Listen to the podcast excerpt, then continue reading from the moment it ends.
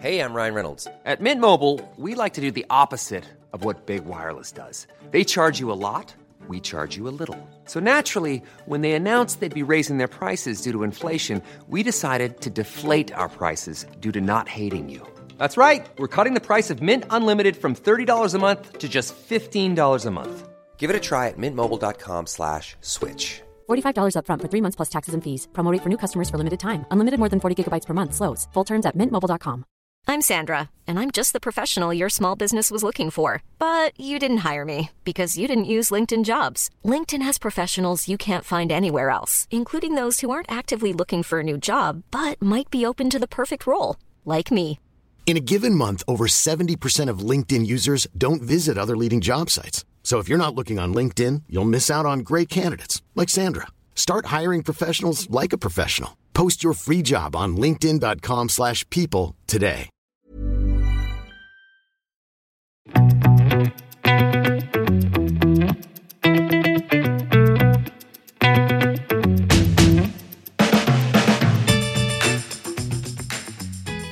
og velkommen til en spesialepisode av Programsnakker. Vi er fortsatt i Genéve, det Watches and Wonders, og i dag har vi sendt de første nyhetene, eller mange av de.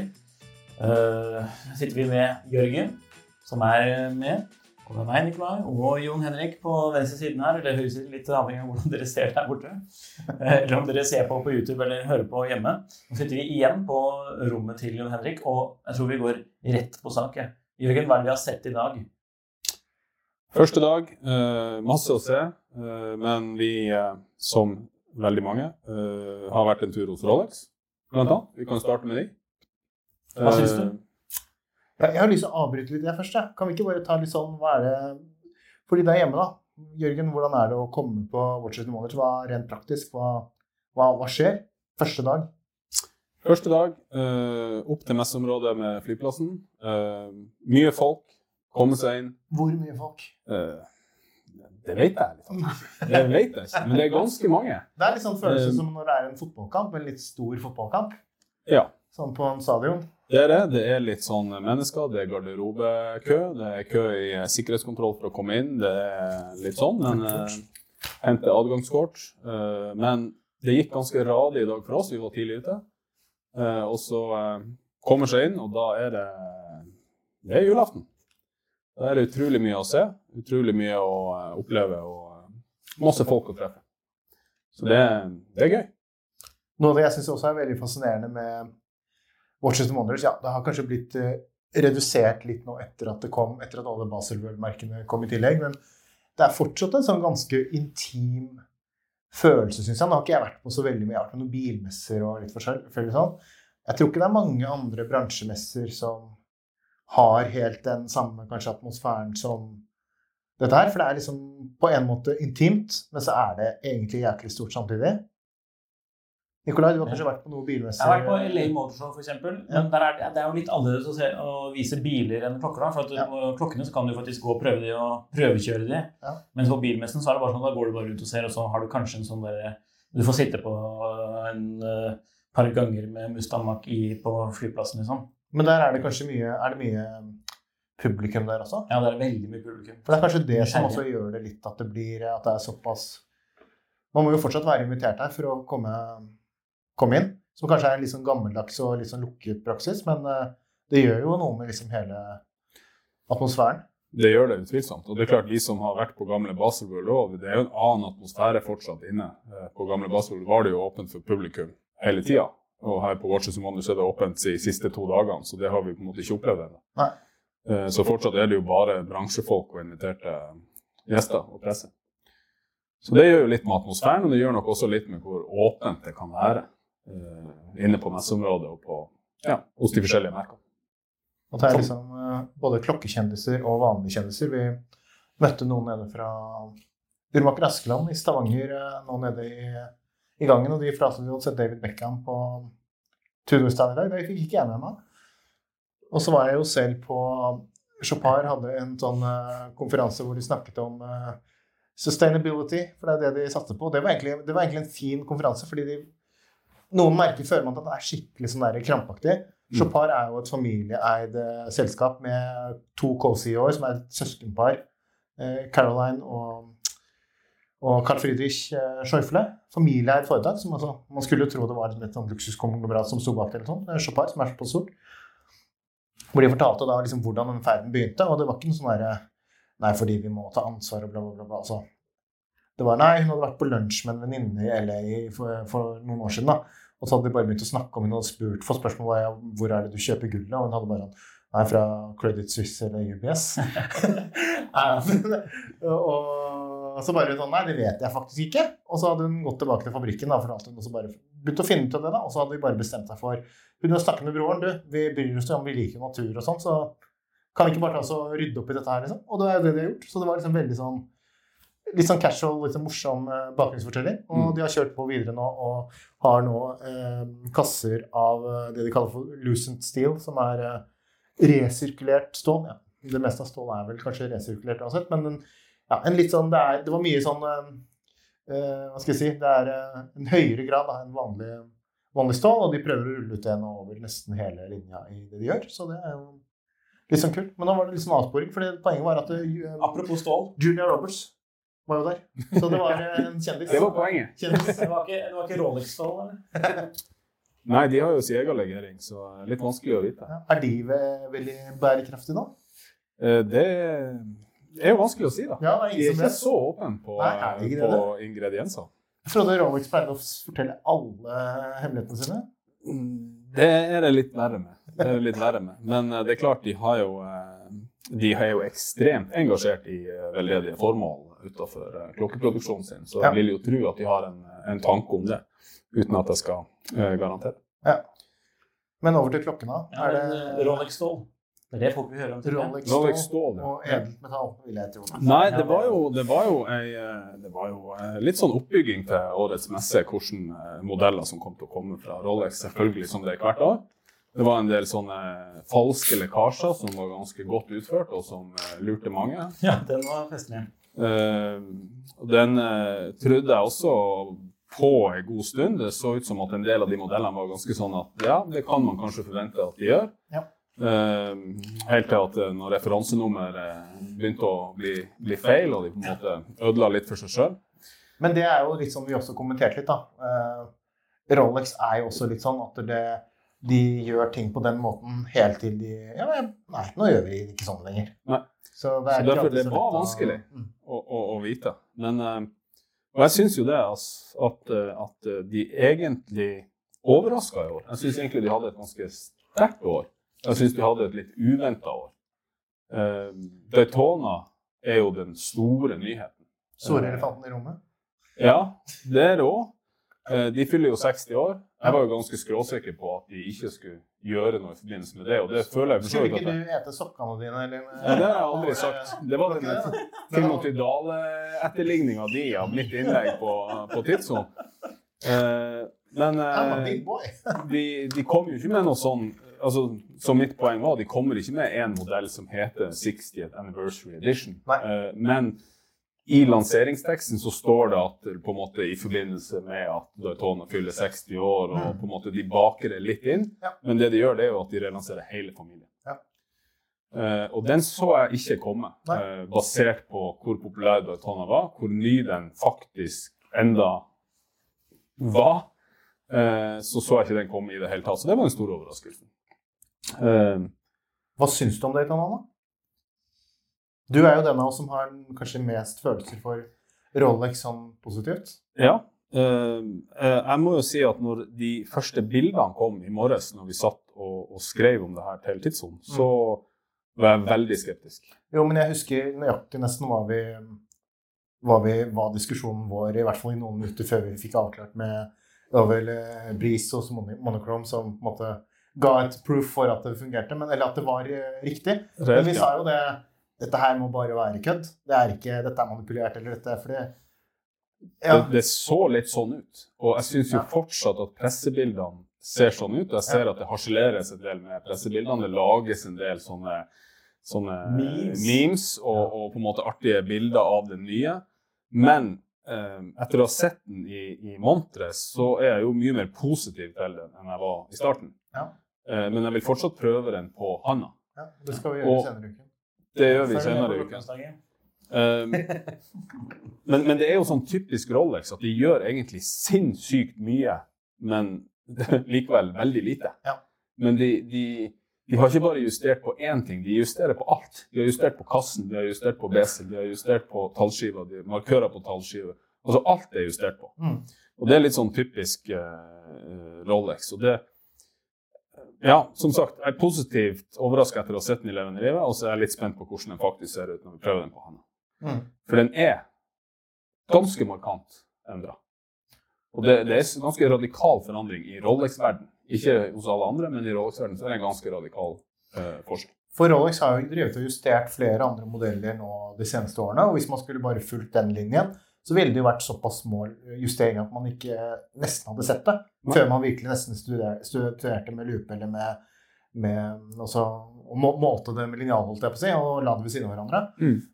Og, men jeg må jo si at jeg er jo veldig skuffet Nei, jeg er ikke skuffet, for jeg hadde jo egentlig ikke noen forventninger. Så, så, så jeg vil egentlig si det at det kanskje Jeg, jeg, jeg syns bare du var inne på et godt poeng at hvor hvor, eh, my, hvor mye man kan gjøre med veldig lite. Men jeg mener også det er et veldig bevis på hvor perfekt eh, inneværende, eller den forrige, forrige nå, da, generasjonen av Daytona faktisk er. Ja.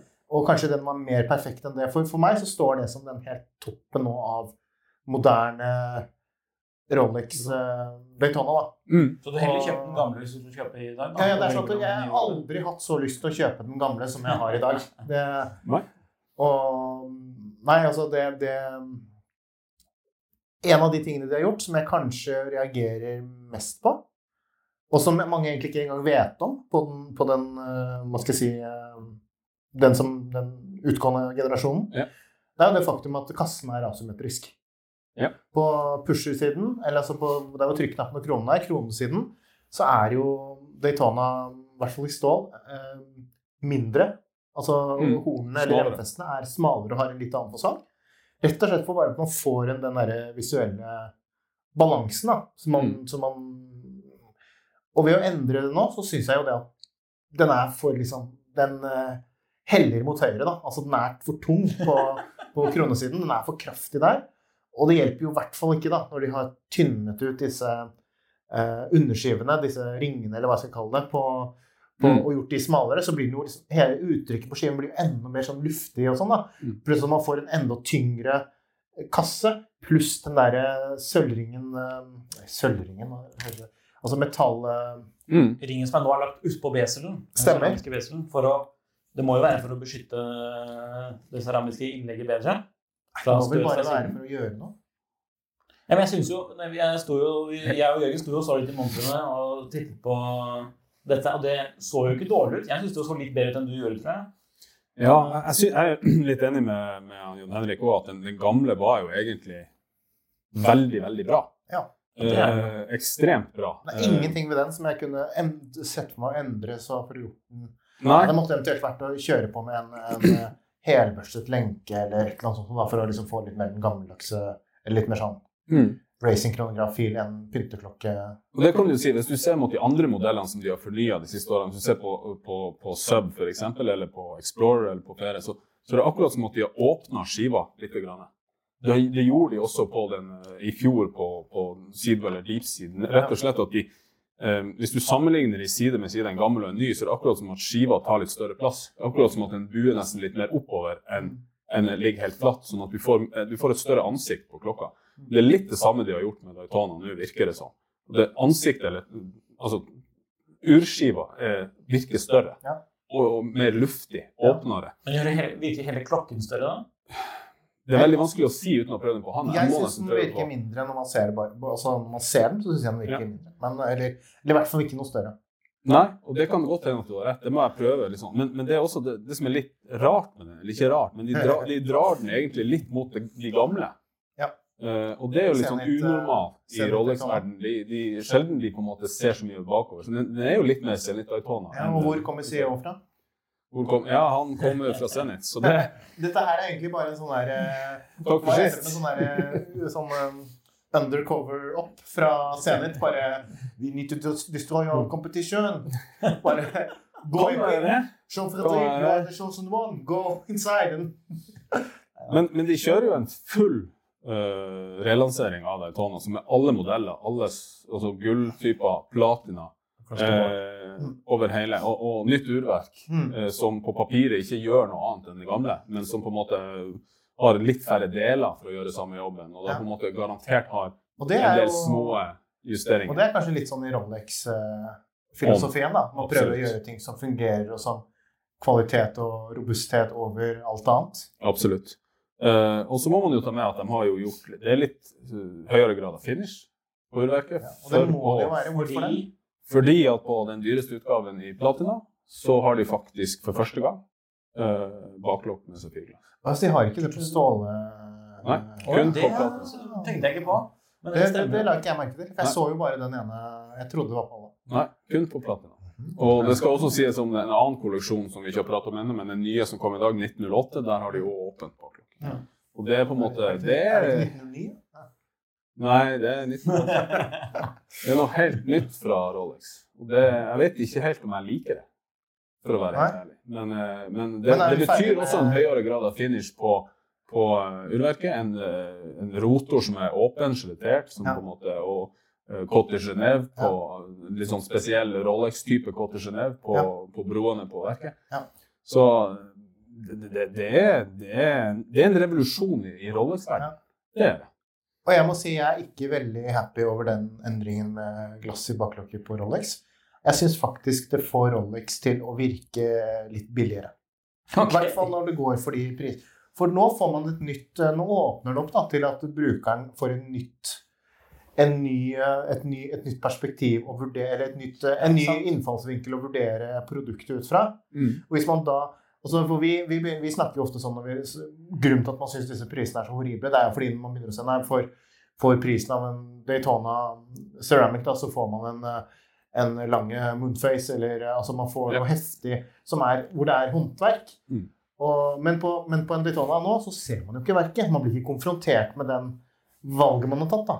Mens når man åpner opp på den måten, så ser man jo at ja, men dette her er jo ikke noe altså, Det er jo pent og pyntig og ryddig og, og sånn, men, Mm. men og, og, og med forbehold, jeg har ikke studert finishen. Jeg har verken studert, lest pressemeldingen nøye eller studert finishen nøye, så, så Ja, men det er jo et arbeidsurverk. Ja. Og det er et industrielt Og det er en- produsert og det er en urverk som er kjempebra. Det som jeg mener er veldig, er veldig vakkert med Rolex på en måte, da, det er jo det at alt er gjort I forhold til den kategorien de befinner seg i, da, så er Mm. alt gjort på øverste nivå.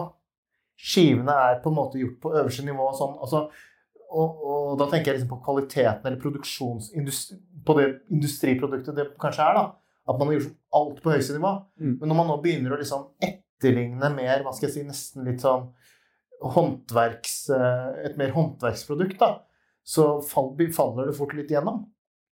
Ja, og, og, og det har jo vært på en måte et ankepunkt fra meg også tidligere. Fordi at uh, Hvis du tar en stål Daytona som da kosta 150 000, den forrige modellen, Mm. uh, og sammenligna med en, eh, en i platina, Mm. så snakker vi en prisforskjell på 700 000. Ja. Mm. Uh, og det er kun for materialet i kasse og lenke. Ja. Og platina er dyrt, men det er ikke 700 000 kroner dyrt i en, i en klokke. sånn at For urverket er identisk, alt annet er identisk. Så det er jo på en måte en vanvittig overpris du betaler for den kassen i platina. Det er jo selvfølgelig pga. sjeldenhet, pga.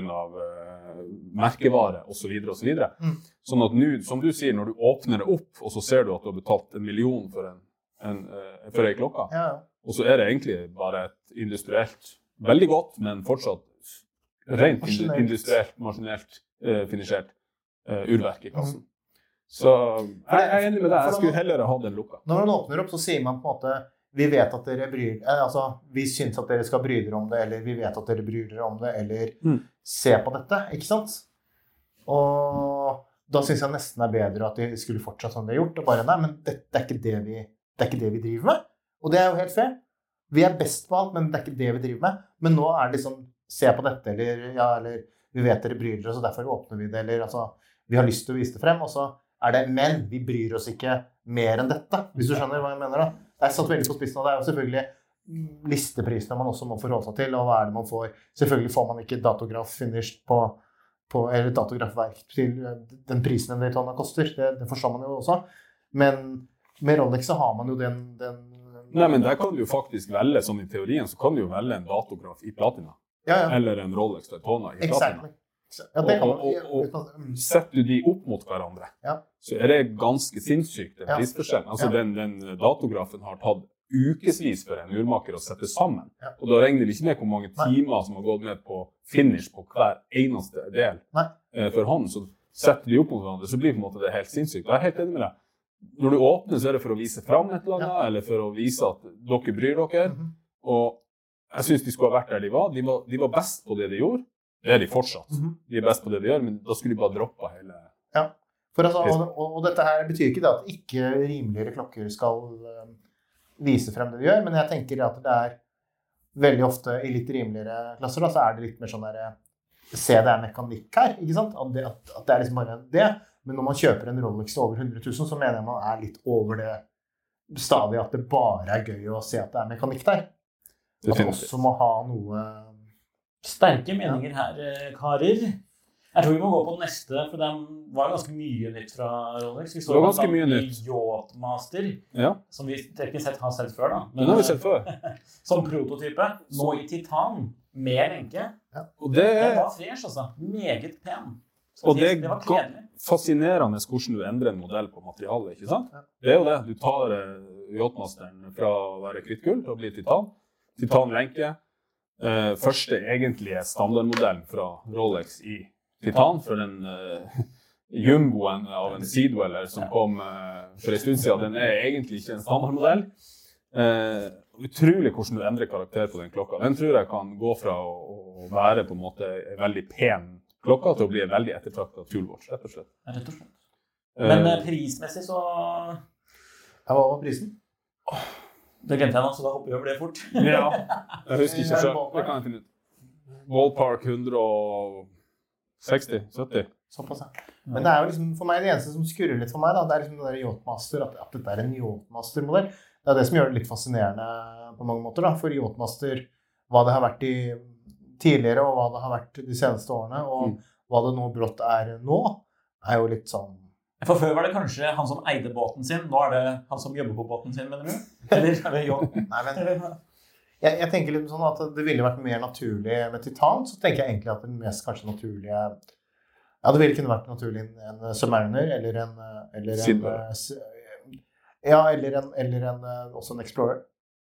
Enig. enig. Ja. Men eh, ja, jeg vet ikke. Det, litt sånn spesielt valg. Eller en Milgaus, selvfølgelig, da. Men det Og Ja. den forsvant jo ut. Ja, den der bekreftet, holdt jeg på å si. Eller eh, den Ja, bekreftet det- sitt fravær. Det virker sånn, fordi at den står ikke på nettsiden lenger. Nei, men da kommer det vel mindre av som uh, til neste år eller- om noen år, da. Ja, kanskje.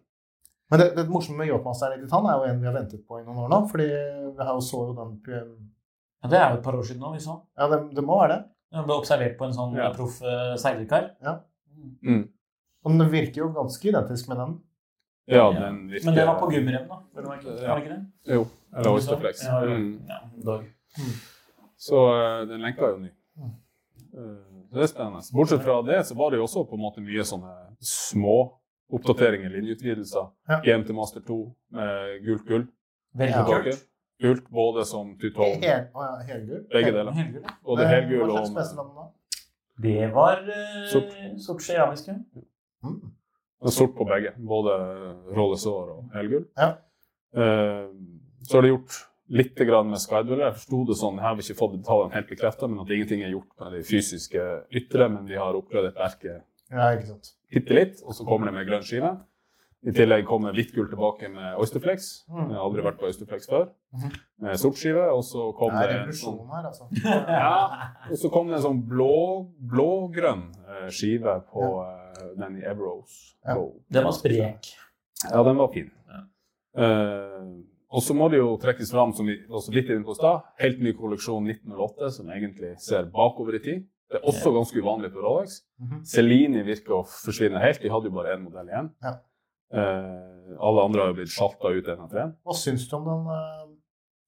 Ja, den gir meg ingenting, den 1908. Nei. Eh, det er klokka som, eh, som på en måte kunne ha stamma fra 40-, 50-, 60-tallet. Sånn i design. Ja.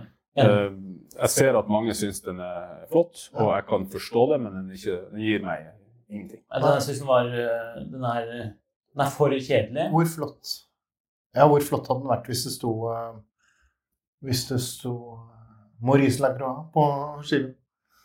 Det er vanskelig å si, men jeg syns egentlig den, den er egentlig ganske lik en del av de her eh, Omega Seamaster som ser bakover i tid. De her klassiske Syns du det? Ja, jeg syns det. Um, og de heller er ikke noen favoritter for meg. Så det Jeg tror ikke den, blir noe eh. Cellini var, Cellini var jo ikke det heller. Nei, nei absolutt ikke. Jeg tror ikke den her kommer til å revolusjonere salget. Men jeg, jeg, jeg likte viseren. da.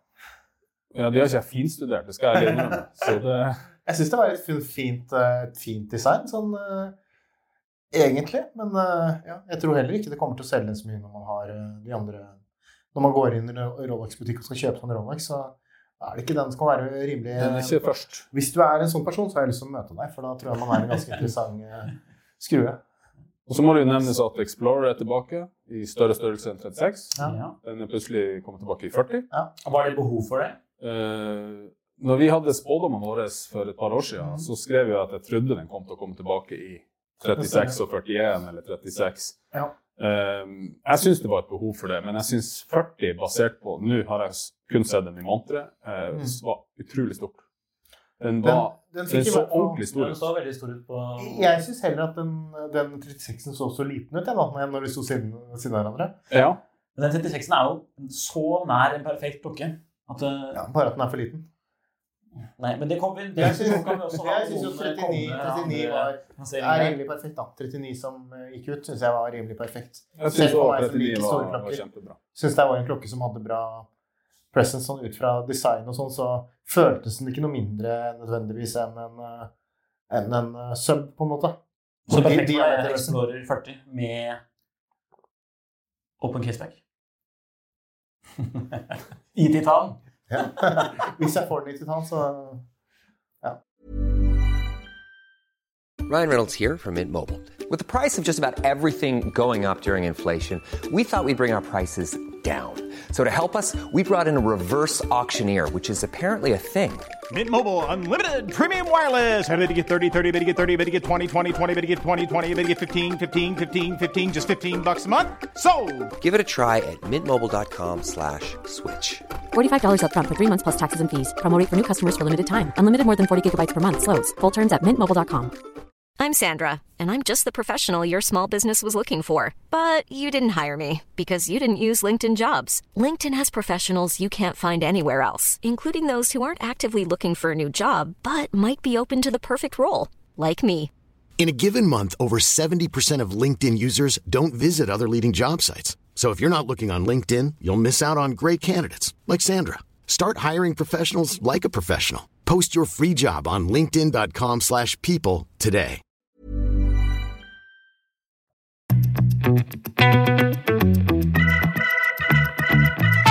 Og så må vi jo nevne også den her eh, Oyster Perpetual som kom med den her eh, fargerike skiva der de har tatt alle fargene fra Oyster Perpetual i 2020 Litt av en greie å og bare poppa det på som sånn lollipop. ja, den synes Sånn jeg godteriklokke. Jeg syns det var dritkult. Ja, Det syns jeg faktisk var kult. Det, dere syns det var kult? jeg sa vel litt til deg når vi så det, at det er den eneste Rolexen som jeg er sånn genuint Nå lurer jeg på om jeg skal ringe en forhandler. Men det er fordi du, Men, du vil være så eh, kontrær. Nei, men den er jo, den er jo Jørgen liker den, jo. Da er, da er det jo ikke kontrær. Han liker jo Rolex. Ja, det så- da. Men eh, Ja, den, jeg syns den var kul. Den er leken, den er morsom, og den er ganske uleselig. Ja. Eh, men eh, den jeg, var håper, jeg håper ikke det blir ødelagt av sånne folk som bare skal drive og flippe den og hype den opp og sånn. Hva blir kallenavnet, tror vi? The hype piece. The Hype Piece. Indeed. Det er, eh, det er jo Var det Tiffany Blue i der og alle Ja, alle, alle, de, alle de alle de fra fargene. Ja. Det betyr at man kan legge sammen prisen på hver og en av de fargeversjonene. Sannsynligvis. Og Så så kom det så virka den å komme i, i stort sett alle størrelser. 31, 36 uh, 39? Gjorde ikke det? 41. 41, men. Men uh, 41 er jo dessverre for uh, Jeg li liker ikke Oyster Perpetual 41 av nye generasjon. Jeg syns den er for eh, mye luft mellom eh, glasset og skiven. Den er liksom litt sånn hul. Ja. Jeg, Men jeg, liksom har veldig lyst til å snakke om i starten her, da. Og det er det. Med å gjøre urskiven større. Med luft. Og det var noe vi absolutt så hos eh, et merke som vi også skal snakke om i dag. Mhm. Vi bør kanskje begynne å gå litt Vi kan videre. gjøre det, men vi må jo nevne først at før vi går vekk fra Rolex, så man føler seg som sånn Nytt på nytt her. Jeg sitter med pennen og dunker på papiret. Men uh, Daydate kommer med nye skiver. Mm. Veldig spreke, litt sånn 70-tallsinspirerte, med stein, eller det var ikke stein, men den der sånn magma, magma Ja, det? det var, det var stein i forskjellige farger, og de henta jo Det sto jo til og med at de henta eh, stemninga si fra, fra Middelhavet. Eh, det må nevnes at de kom jo da, så vidt jeg kunne se, så måtte det opp med både diamanter på skive, og jeg tror kanskje du måtte ha diamanter på, på BC-ringen òg for å på en måte kunne smykke deg med de. Det blir en dyr klokke. Det blir dyr. Inspirert av Syden. Ja. Apropos ikke lurt, eller i forhold til Rolex i hvert fall. Tudor, lillebroren. Her var det mange nye, spennende nyheter. Er det kanskje det merket som hadde den sterkeste dagen i dag, eller? Av de vi så, så Jeg har en annen favoritt, men okay. Jeg ble imponert over uh, Tudor. var ikke dårlig. Igjen det der med å gjøre Gjøre hva skal jeg si, mye med lite, eller hva du sa tidligere. Ja. Eh, Black Bay, som nå er tilbake i uh, burgundere med sånn burgundere Besel, slik den opprinnelig kom i eh, 22. Ny 22, favoritt hos deg? 2012.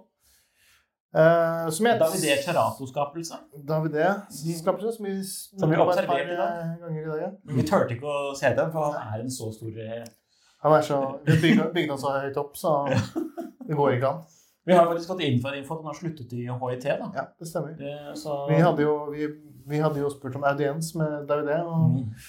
da fortalte hun uh, vår kontakt at uh, Sorry, but Davidé is no longer with HIT. Så måtte Jon Henrik skrive en sånn veldig blyg e-post tilbake og si Ja. ja, men da vil vi ikke ha intervju med hans. da er det ikke så, da er ikke så. Sorry, ja, vi er ikke så interessert i klokkene. Of Ja, men vi liker, vi liker HIT. da. Jeg liker jo HIT, men jeg liker ja, absolutt. Ja, men ja. Ja, Ja, vi liker ikke HIT. Du liker HIT. jeg liker HIT. Jeg liker HIT. Ja. Ja, ok, dere liker HIT. HIT er jo helt magisk, men uh, Tudor. Tudor.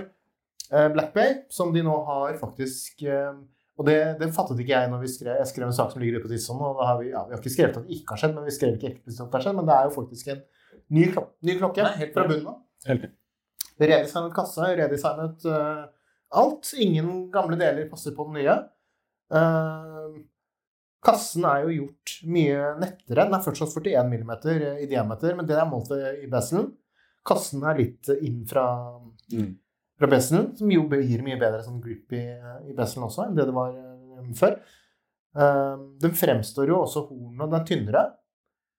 Eh, hornene er mer, eh, hva skal jeg si, ja, nettere igjen, eller slankere. Det er ikke sånne store, Eh, gigantiske forskjeller her. Nei nei men jeg, jeg, jeg syns det var ganske tydelig Ja, forskjell i hånden. Altså, Ja. Uten at jeg husker sånn altså, Jeg husker jo bare at når jeg har tatt opp en Tudor 41 uh, Blackbee før, så har det vært sånn Ja, den er liksom vesentlig større enn en klassisk Submariner, da.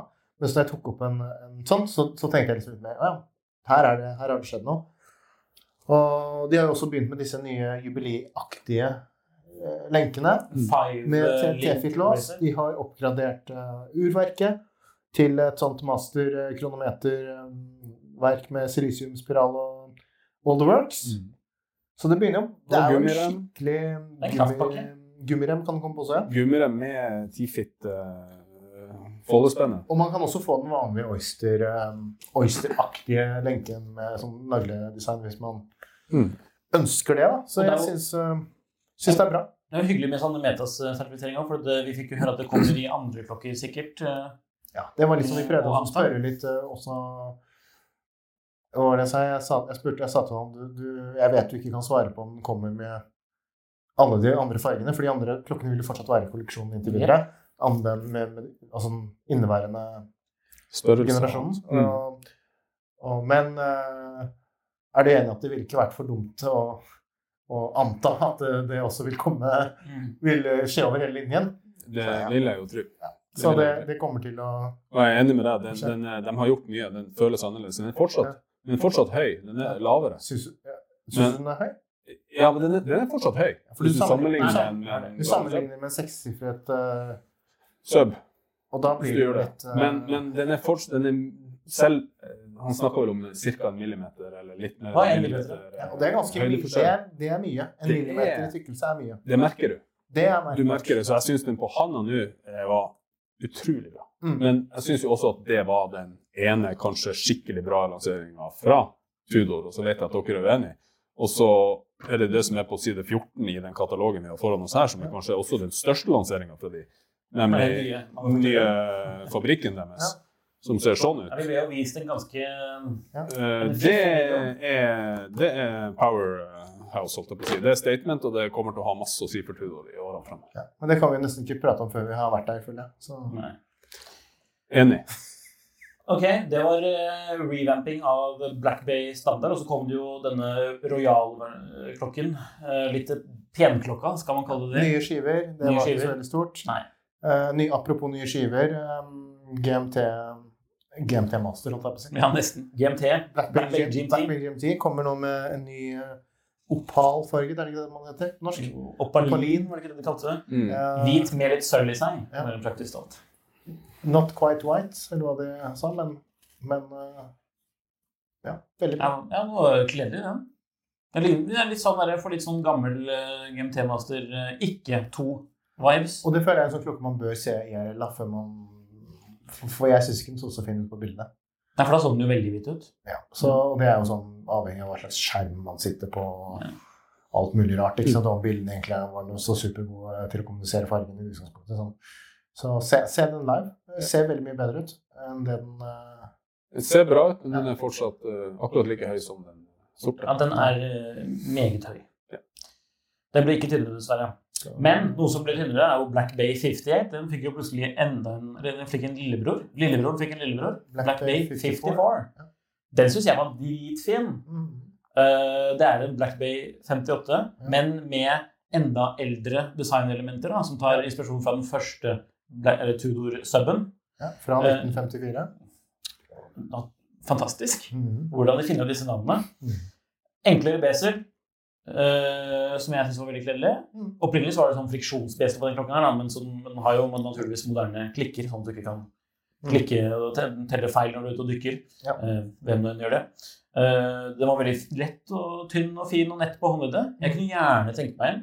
3450 sveitsfranc noterte jeg meg. Og så sier Tudor det i hvert fall selv, at dette er den mest historisk korrekte moderne Tudoren de har laget. Så, Det er interessant. ja, og det er jo mest kanskje med størrelse og størrelse Ja. og fil, liksom, men den er jo utrolig velproporsjonert. Ja, den er altfor liten for meg, men, men øh, jeg, jeg tror den er dritkul som en uh, dameklokke.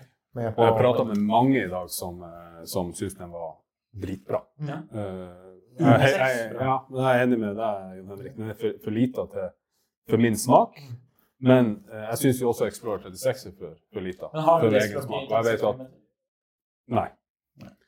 Det blir for eh, smått for det jeg syns er fint. Men jeg vet jo at masse folk som sagt elsker Explorer 36. Jeg tipper de kommer til å digge den her.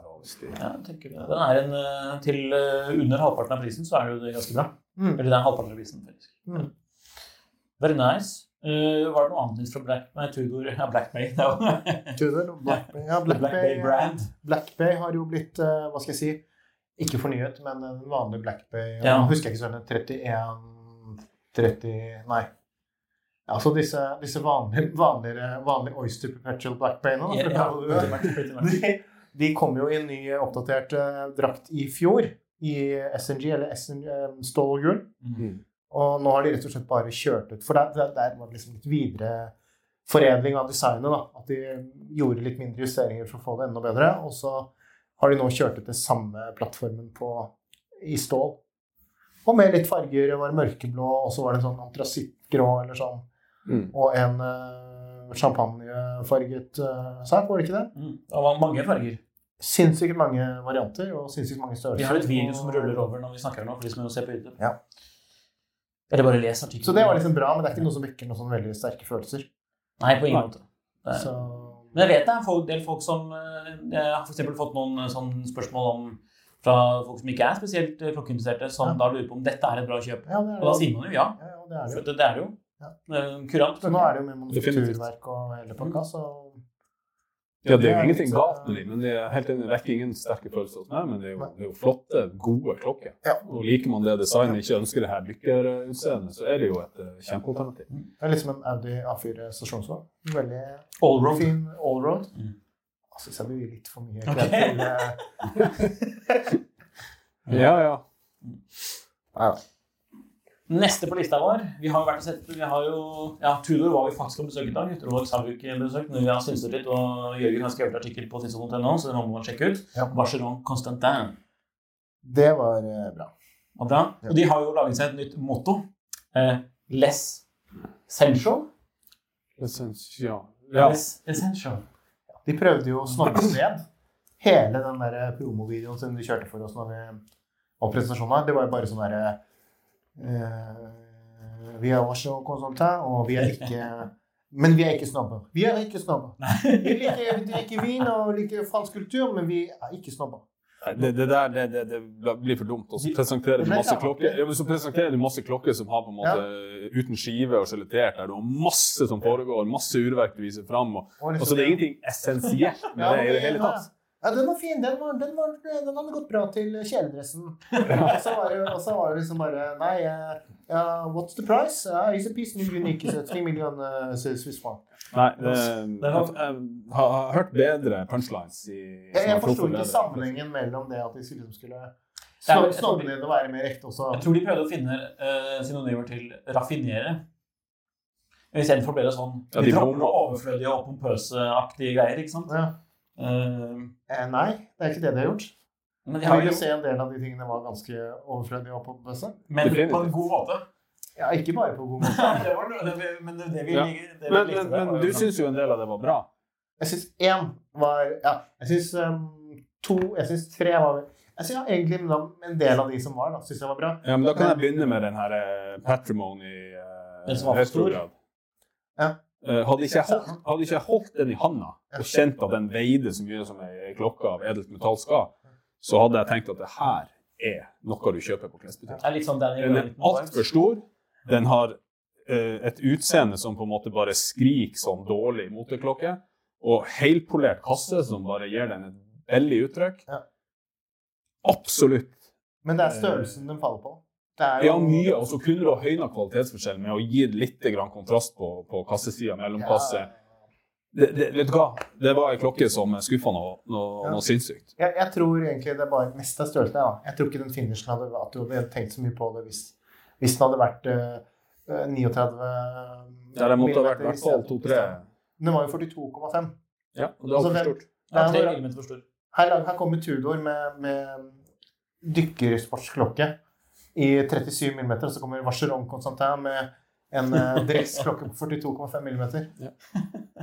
Og, og bare så det er sagt Bershka er lite også. Så- så, vi, vi snakker om millimeter her, men i dag eh, har egentlig det bare understreka hvor viktig både millimeter og, og egentlig 0, millimeter er i klokkeindustrien. Det har enormt mye å si. Mhm. Det ser du på alle de her nylanseringene. Ser du på Daytona fra Rolex, så ser du på Backpay. Det er jo snakk om ørsmå justeringer, men det har alt å si. Størrelsen, 42,5 størrelsen teller. Du hørte det her først. Nei. Bom, bom. Ja, men de hadde noe bra, da. Overseas, Ja. Overseas som vanlig. Den, er jo, den var jo allerede bra. Og når podden kommer ut, så ligger saken ute også. Overseas eh, Ikke med livebilder, det kommer senere. Mm. Overseas eh, Moonface eh, retrograde date, som egentlig bare beskriver hva det er. Det er en overseas med månefase og retrograd datovisning. Og den formen for retrograd datovisning hvor man har en sentral viser for dato, hvor man har liksom den, den retrograde skalaen si, i øvre som en sånn halvmåne øverst på skiven. Den har man jo sett fra Barcelona mange ganger tidligere. Eh, mest i dressklokker. Og det er jo et eh, urverk fra en dressklokke de egentlig har knamma og modifisert litt. Da, så man får også månefase Mm. faktisk, det, det har faktisk blitt brukt tidligere eh, i, i en annen patrimony-modell som er mye mer anstendig eh, dimensjonert. Mm. Eh, fra 2016, tror jeg det er. Eh, jeg syns det var helt fantastisk. Jeg er jo ikke så veldig stor fan av Overseas. Egentlig ikke noe fan i det hele tatt. Eh, Jeg syns Overseas med Power Power Reserve eh, i titan, er det vel, den syns jeg kanskje er litt kul. Men, Mm. Og, og noen av de ultratin-variantene, men da er man oppe i en sånn prisklasse som er helt insane. Og det, ja, det er man for så vidt nå også, men rundt en halv million eh, pluss. Ja, pluss. Var den så dyr? Ja, 550 ish, tror jeg. Butikk only, selvfølgelig, så, så man må importere det.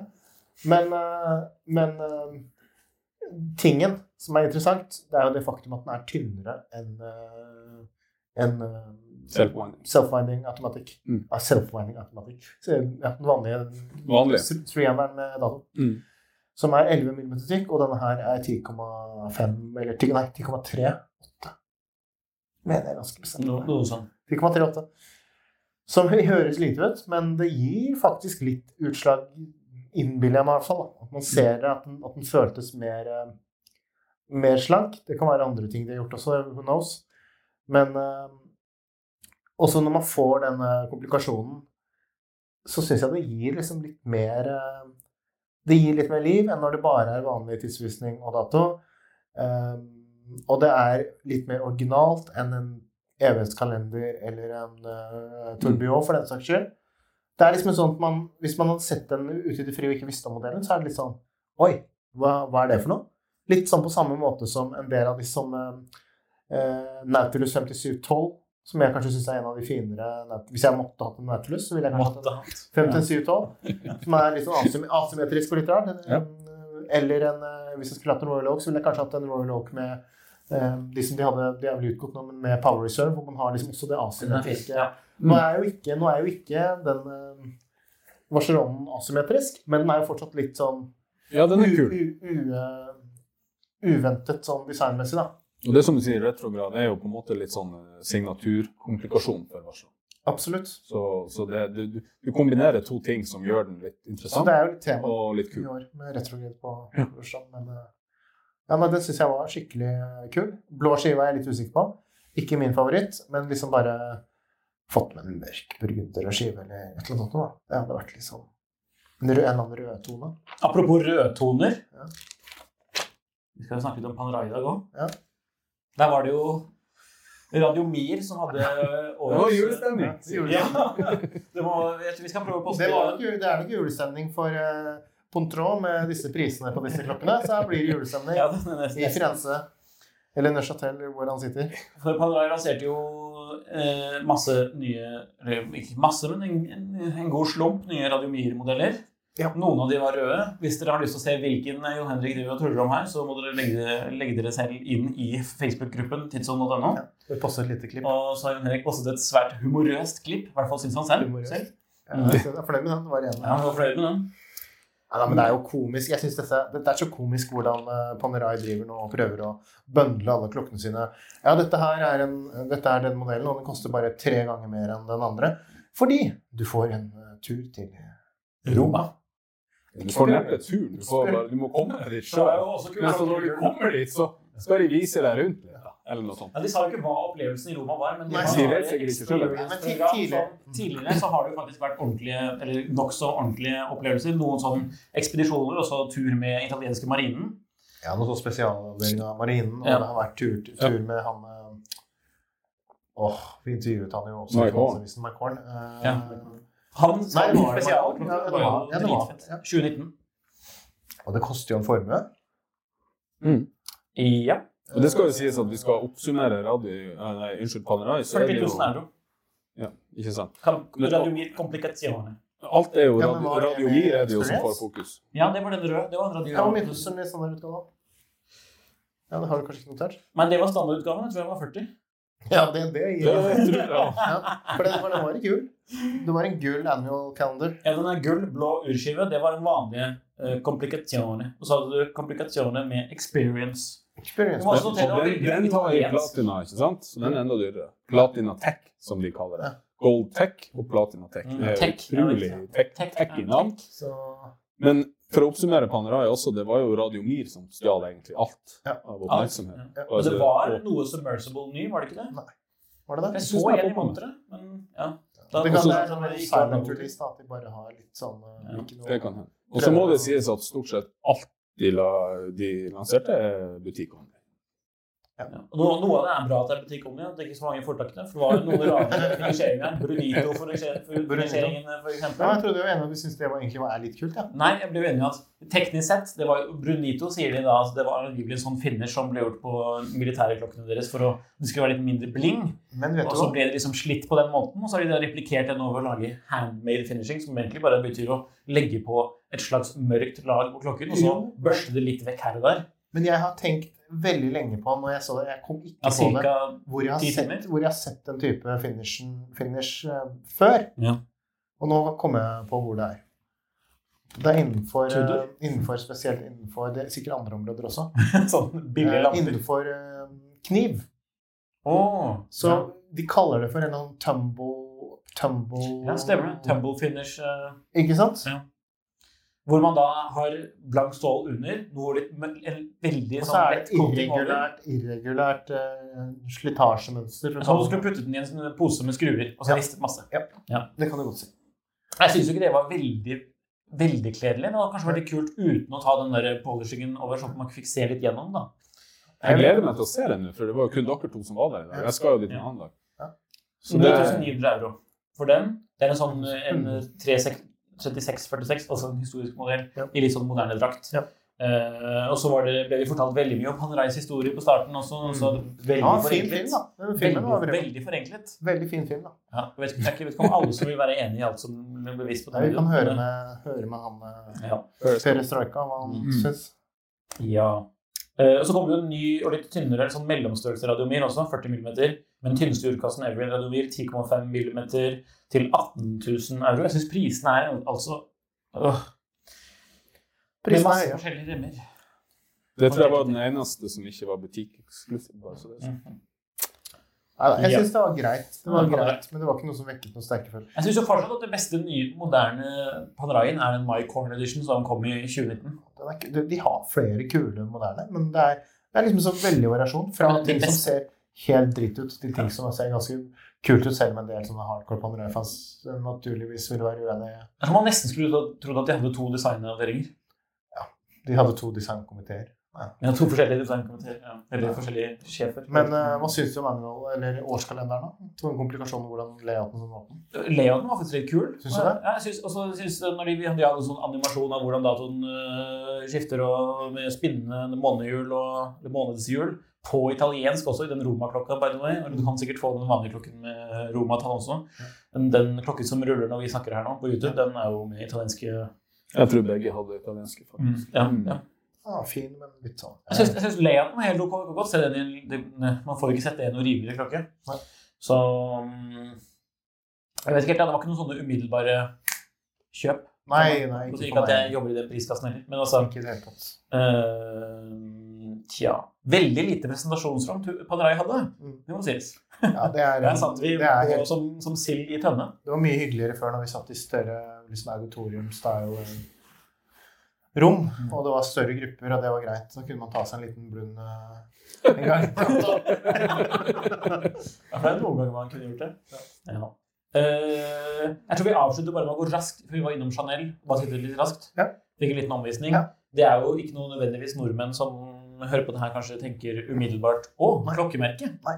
Uh, og det trenger man egentlig ikke heller, men de lager noen imponerende greier. Og så får du noen litt mer approachable modeller, f.eks. J12, som er en sånn dykker. Eh, den er jo ikke noen som sitter her veldig fan av, tror jeg. Eh, den er nok heller litt obskur. Men tenk på det, Eh. det, det Chanel egentlig har, da, med Ja. Skulle tatt av meg den der her før jeg starter. bort. Ja, men det Folk skjønner at Um, Han snakker om kortet, adgangskortet sitt. Ja, Henrik ønsket å ha på seg adgangskortet sitt. Ja, vi må vise at vi, at vi er, sitter, er på messen. Nei da. Jørgen sitter jo med slipset på henne. Da må jeg ikke sitte med adgangskortet mitt på. Dere har jo Men, eh, netta helt ned, ser jeg. Det. Det jeg skulle si, er jo at uh, det er jo litt morsomt det Chanel egentlig er, da. Gjennom den, det eierskapet og det de har. De har en stake i Bell Ross, som kanskje ikke Jo, de gir jo tilgang til en del kasseprodusenter, muligens, eller er det motsatt? De, har, de eier vel noen kasseprodusenter og diverse, men de har jo også en stake i uh, Kenissi, som er Tudor sin eh, Som er faktisk på det manufakturet, eller den bygningen som du Det er jo- tidligere. Mm. Så vi så jo det inne hos Chanel i dag, at flere av klokkene nå har jo fått uh, Kenissi-verk. Jeg så ikke et eneste ETA-verk. Så det, aldri... sier- Hun sa det jo ikke rett ut. Altså, vi, hun, Nei, for de visste ikke, hva- visste jo ikke hva vi pratet om. Så derfor sa jeg heller ja, så ikke sånn ut. på disse andre, for der er det jo også uh, Romain Gautier, som også har designet en del verk, som jeg tror sikkert var i denne, i denne løve, løveturbioen. Mm. Det var en tourbillon med, med løve i selve altså den roterende delen. Ja. Litt spesielt, syns jeg, men disse karene på min side her synes jeg det var veldig festlig. da, At det var løve inni. Nei, men jeg, jeg, har måttet godta det etter at jeg, etter at jeg har falt litt for den Monsieur Monsieur Chanel-klokken. Ja. Som har uh, jumping hours. Mm. Hvor man har løven på kronen. Så da må jeg på en måte godta det for å kunne synes at det er en kul klokke. Ja. Det, det var jo ikke noe hemmelighet at løva er ganske viktig for Chanel. Det Nei, nei, man nei. jo. Det, det visste faktisk ikke jeg, men det må jeg kanskje vite nå som Chanel faktisk åpner butikk i Oslo og kommer til å selge Chanel-klokker der. Ja, det var 30. 30. mars. De skal ha Boyfriend Uh, J12, som man egentlig Den er jo veldig spesiell. Ja, jeg syns jo J12 er Og- litt kul. Jeg sendte jo deg en J12 nå for litt siden. Jeg, som jeg sa, hva var det jeg sa om diverse ting. Hvis jeg, hvis jeg får muligheten til å kjøpe den, så skal jeg kjøpe den. Fordi det var jo noen J12 som ble produsert, to serier med J12 som, ble, som er litt forskjellige. Den ene er blank, og den andre er matt. Mhm. Jeg tror egentlig jeg vil ha matte. Eh, J12 er jo ikonisk, vil jeg si. Ikonisk klokkedesign fra 2000, hvis man snakker om 2000 millennium-type klokker, da. Eller fra 2000 til 2000 J12 eller Yes Watch. J- J12. Eh, også med Også med Ja, den, den var veldig dyp. Og så eh, kommer de jo med AP-verk, Oddmar Pigge. Mm. Eh, kaliber 31-20 i eh, Chanel-versjon. Så det er litt morsomt å kunne kjøpe en eh, Chanel altså, som er et ganske egentlig ikonisk design i J12, keramisk, til godt under 100 000 med AP-verk, som kanskje er den eneste produsenten AP er kanskje mer kjent for å bruke andre leverandører på verk, men hvor de faktisk har levert til en utenforstående. De har ingen Kanskje det var litt sånn som uh, Terry Stern med Tiffany, at de prøvde å den, eller, nei, jo, prøve å sjarmere Louis Vuitton litt. Og kanskje det var et forsøk på av, eh, av Ap å sjarmere Chanel litt. Kom og kjøp oss. Nei da, jeg vet ikke. Men det er i hvert fall eh, kule, kule klokker. Ikke dårlig. Da har vi snakket om Rolex, Tudor, Vacheron, Panerai og Chanel. Morgendagen bringer mye spennende. Eh, Da besøker vi enda flere klokkeprodusenter, og vi kommer med enda mer meninger. Mhm. Da spiller vi inn faktisk på messen, prøver vi oss. Nå, I dag skjedde det såpass mye at vi måtte ta til takke med Jon Henriks hotellrom. Ja. Så nå må jeg ta bussen til Frankrike, Ja. til mitt uh, hotell. Det blir jo Ja. trivelig. Til ditt uh, ja, slott. ja. Em, takk for at dere hører på Klokkelandslaget. Takk til Jørgen, som er med oss her nå. Det er jo Veldig hyggelig. Ja, det er rett og slett utrolig hyggelig. Det er jeg rimelig sikker på at de som hører på, syns det er også.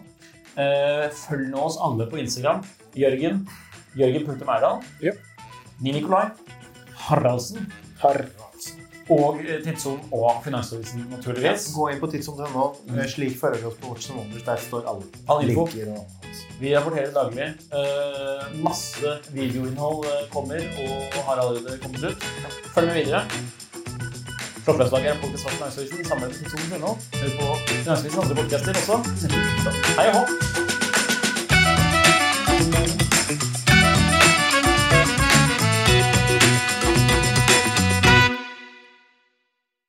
Klokkelandslaget er en Finansavisen-podkast i samarbeid med Tidso. Programleder er Nicolai Giel og Jon Henrik Haraldsen. Produsent er Lars Brenden Skram.